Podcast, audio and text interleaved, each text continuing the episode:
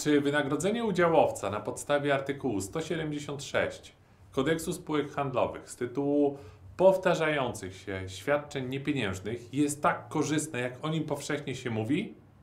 Od razu Ci powiem, że niesie ono ze sobą wiele pułapek, o których opowiem Ci w tym filmie. Koniecznie obejrzyj go do końca.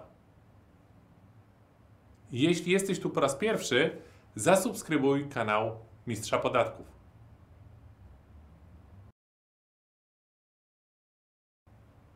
Z tego filmu dowiesz się, dlaczego artykuł 176 Kodeksu Spółek Handlowych stał się celebrytą.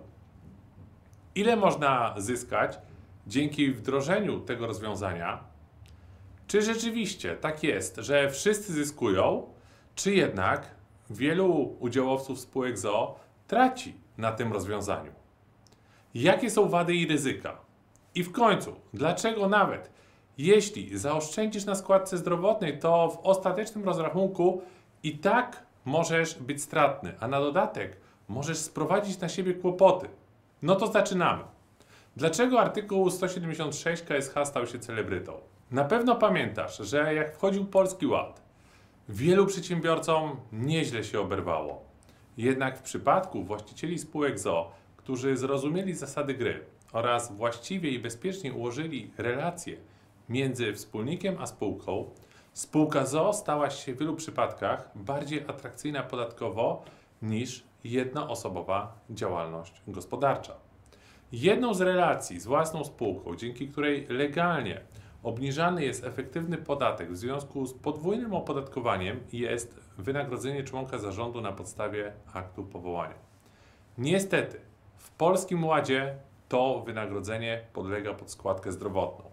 Z tego powodu na popularności zyskał artykuł 176 Kodeksu Spółek Handlowych, na podstawie którego udziałowcy mogą wykonywać powtarzające się świadczenia niepieniężne na rzecz spółki, które są opodatkowane według skali podatkowej, ale nie podlegają składce zdrowotnej. I właśnie ze względu na to, że te świadczenia nie podlegają w Polskim Ładzie pod składkę zdrowotną, omawiany w tym filmie przepis stał się obiektem dużego zainteresowania właścicieli spółek ZO. Niestety, wiele osób bez głębszej analizy pobiegło do notariusza, żeby zmienić umowę spółki.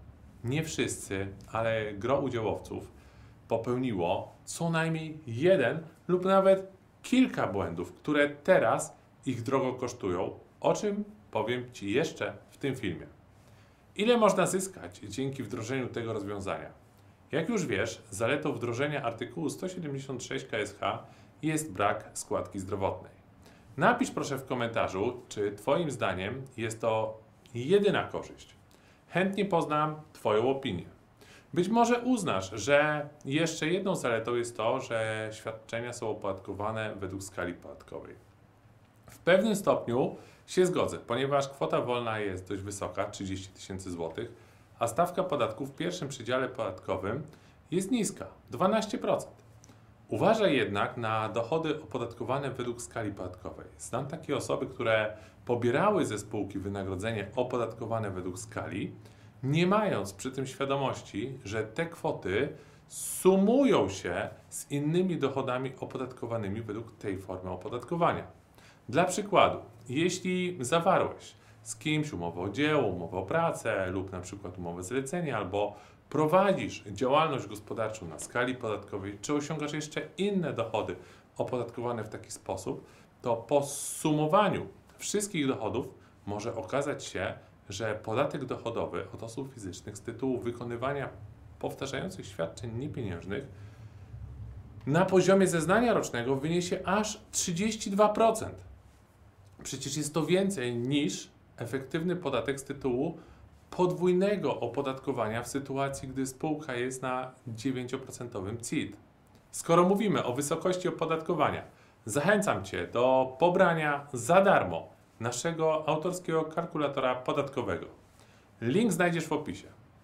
Zanim przejdziemy do omówienia ciemnych stron wynagradzania udziałowców na podstawie artykułu 176 Kodeksu Spółek Handlowych, Powiedzmy sobie, jaka może być korzyść z zastosowania tego rozwiązania. należy przemnożyć kwotę takiego wynagrodzenia przez 9%. Tyle zyskuje się na niepłaceniu składki zdrowotnej. Załóżmy, że Krzysztof jest udziałowcem spółki ZO i co miesiąc pobiera 10 tysięcy złotych z tytułu wykonywania tych świadczeń. Co miesięcznie wykonuje przegląd i serwis infrastruktury IT w spółce. Kwota rocznego wynagrodzenia to 120 tysięcy złotych. Zakładamy, że Krzysztof nie osiąga innych dochodów opodatkowanych według skali podatkowej, więc nie wchodzi w drugi przedział podatkowy. Ile oszczędza na składce zdrowotnej? Przemnóżmy 120 tysięcy przez 9%. Wychodzi 10 800 zł.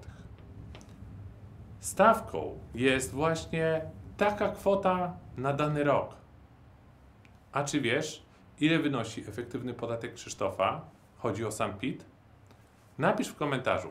Obiecuję, że się odniosę. Uwaga!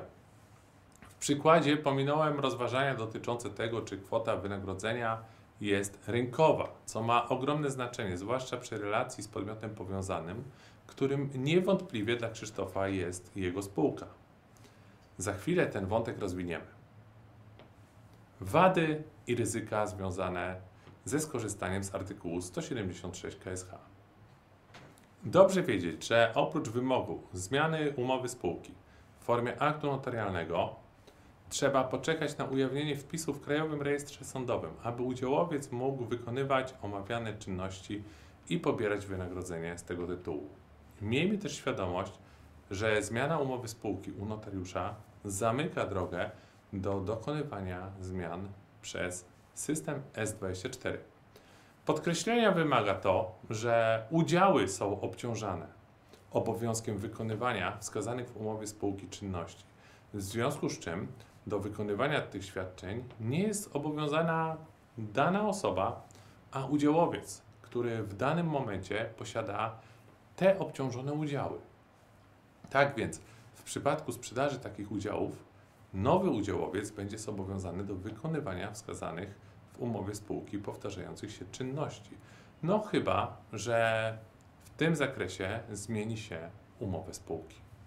Istotnym ryzykiem jest, że Zakład Ubezpieczeń Społecznych dopatruje się w tych czynnościach ciągłości i w licznych przypadkach uznaje taką relację ze spółką jako umowę o świadczenie usług, która powinna wiązać się z oskładkowaniem.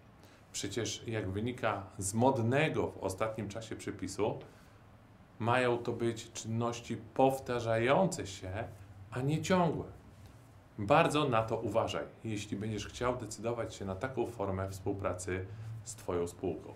Idąc dalej, oprócz tego, że te świadczenia powinny być powtarzające się, muszą one zostać faktycznie wykonane, właściwie udokumentowane i co bardzo ważne, wynagrodzenie za te świadczenia powinno odpowiadać wartościom rynkowym. Na dodatek, czynności te nie mogą pokrywać się z czynnościami, które wchodzą w obszar Twojej działalności gospodarczej, jeśli ją prowadzisz. Dlaczego jeszcze możesz stracić i narobić sobie kłopotów? Przed chwilą podałem Ci kilka powodów, przez które możesz stracić na wdrożeniu ostatnio modnego rozwiązania. A teraz na prawdziwych przykładach pokażę Ci, z jakiego jeszcze powodu wielu właścicieli spółek ZO traci i ściąga na siebie kłopoty. Uważaj na VAT przy tych świadczeniach. Podlegają one pod ten podatek. Zobaczmy, jak duże to ma znaczenie. Powiemy sobie teraz o dwóch sytuacjach. Pierwsza jest taka, że udziałowiec jest czynnym podatnikiem VAT. W takich okolicznościach te czynności będą podlegały opodatkowaniu tym podatkiem. Sytuacja staje się niekorzystna, kiedy spółka nie ma prawa do odliczenia VAT-u, bo jest zwolniona z VAT ze względu na obrót lub wykonuje działalność zwolnioną przedmiotowo z VAT, na przykład medyczną, prowadzi szkołę językową czy handluje nieruchomościami, inaczej mówiąc, flipuje na rynku wtórnym. W takim razie ta forma współpracy z własną spółką nie będzie opłacalna, ponieważ chęć zaoszczędzenia na składce zdrowotnej 9% kwoty wynagrodzenia będzie skutkować zwiększeniem obciążeń przez najprawdopodobniej 23% VAT. Zapewne zgodzisz się ze mną, że w takiej sytuacji wynik per saldo jest ujemne. Znam prawdziwe przykłady, kiedy wspólnicy spółek dopiero po czasie zostali uświadomieni, że muszą odprowadzać VAT, którego ich spółka sobie nie odliczy. Nie fajnie, prawda? Jednak sytuacja pod kątem VAT jest neutralna, gdy spółka ten podatek sobie odliczy.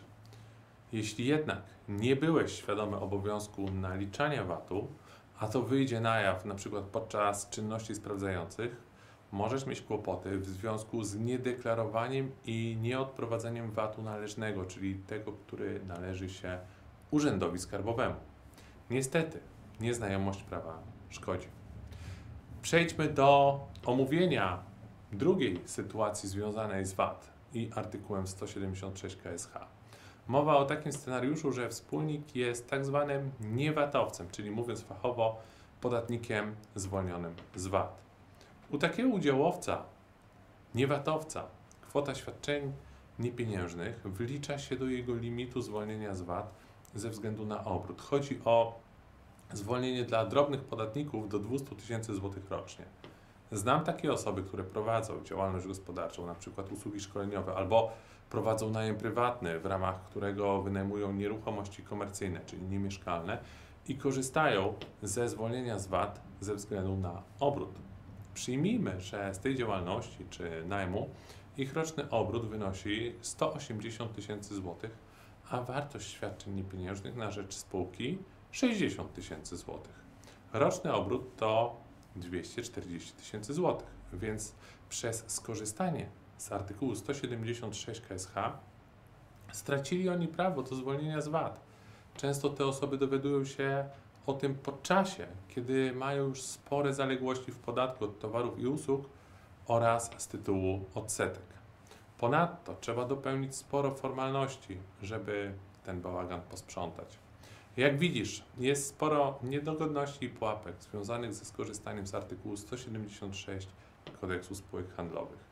Wydaje się, że w wielu sytuacjach stosunek korzyści do niedogodności i ewentualnych strat jest za mały, aby w tę formę współpracy z własną spółką wchodzić. Oczywiście, ty możesz być w sytuacji, w której skorzystanie z tego rozwiązania jest zasadne, ale sam to oceń lub skorzystaj z porady doradcy podatkowego, aby upewnić się, że to rozwiązanie jest dobre dla Ciebie. Napisz proszę w komentarzu, czy dzięki obejrzeniu tego filmu uchroniłeś się przed stratami i kłopotami. Dziękuję Ci za obejrzenie tego nagrania. A teraz przejdź do opisu i kliknij link, aby odebrać nasz darmowy kalkulator. Pozdrawiam Cię serdecznie. Marek Golec.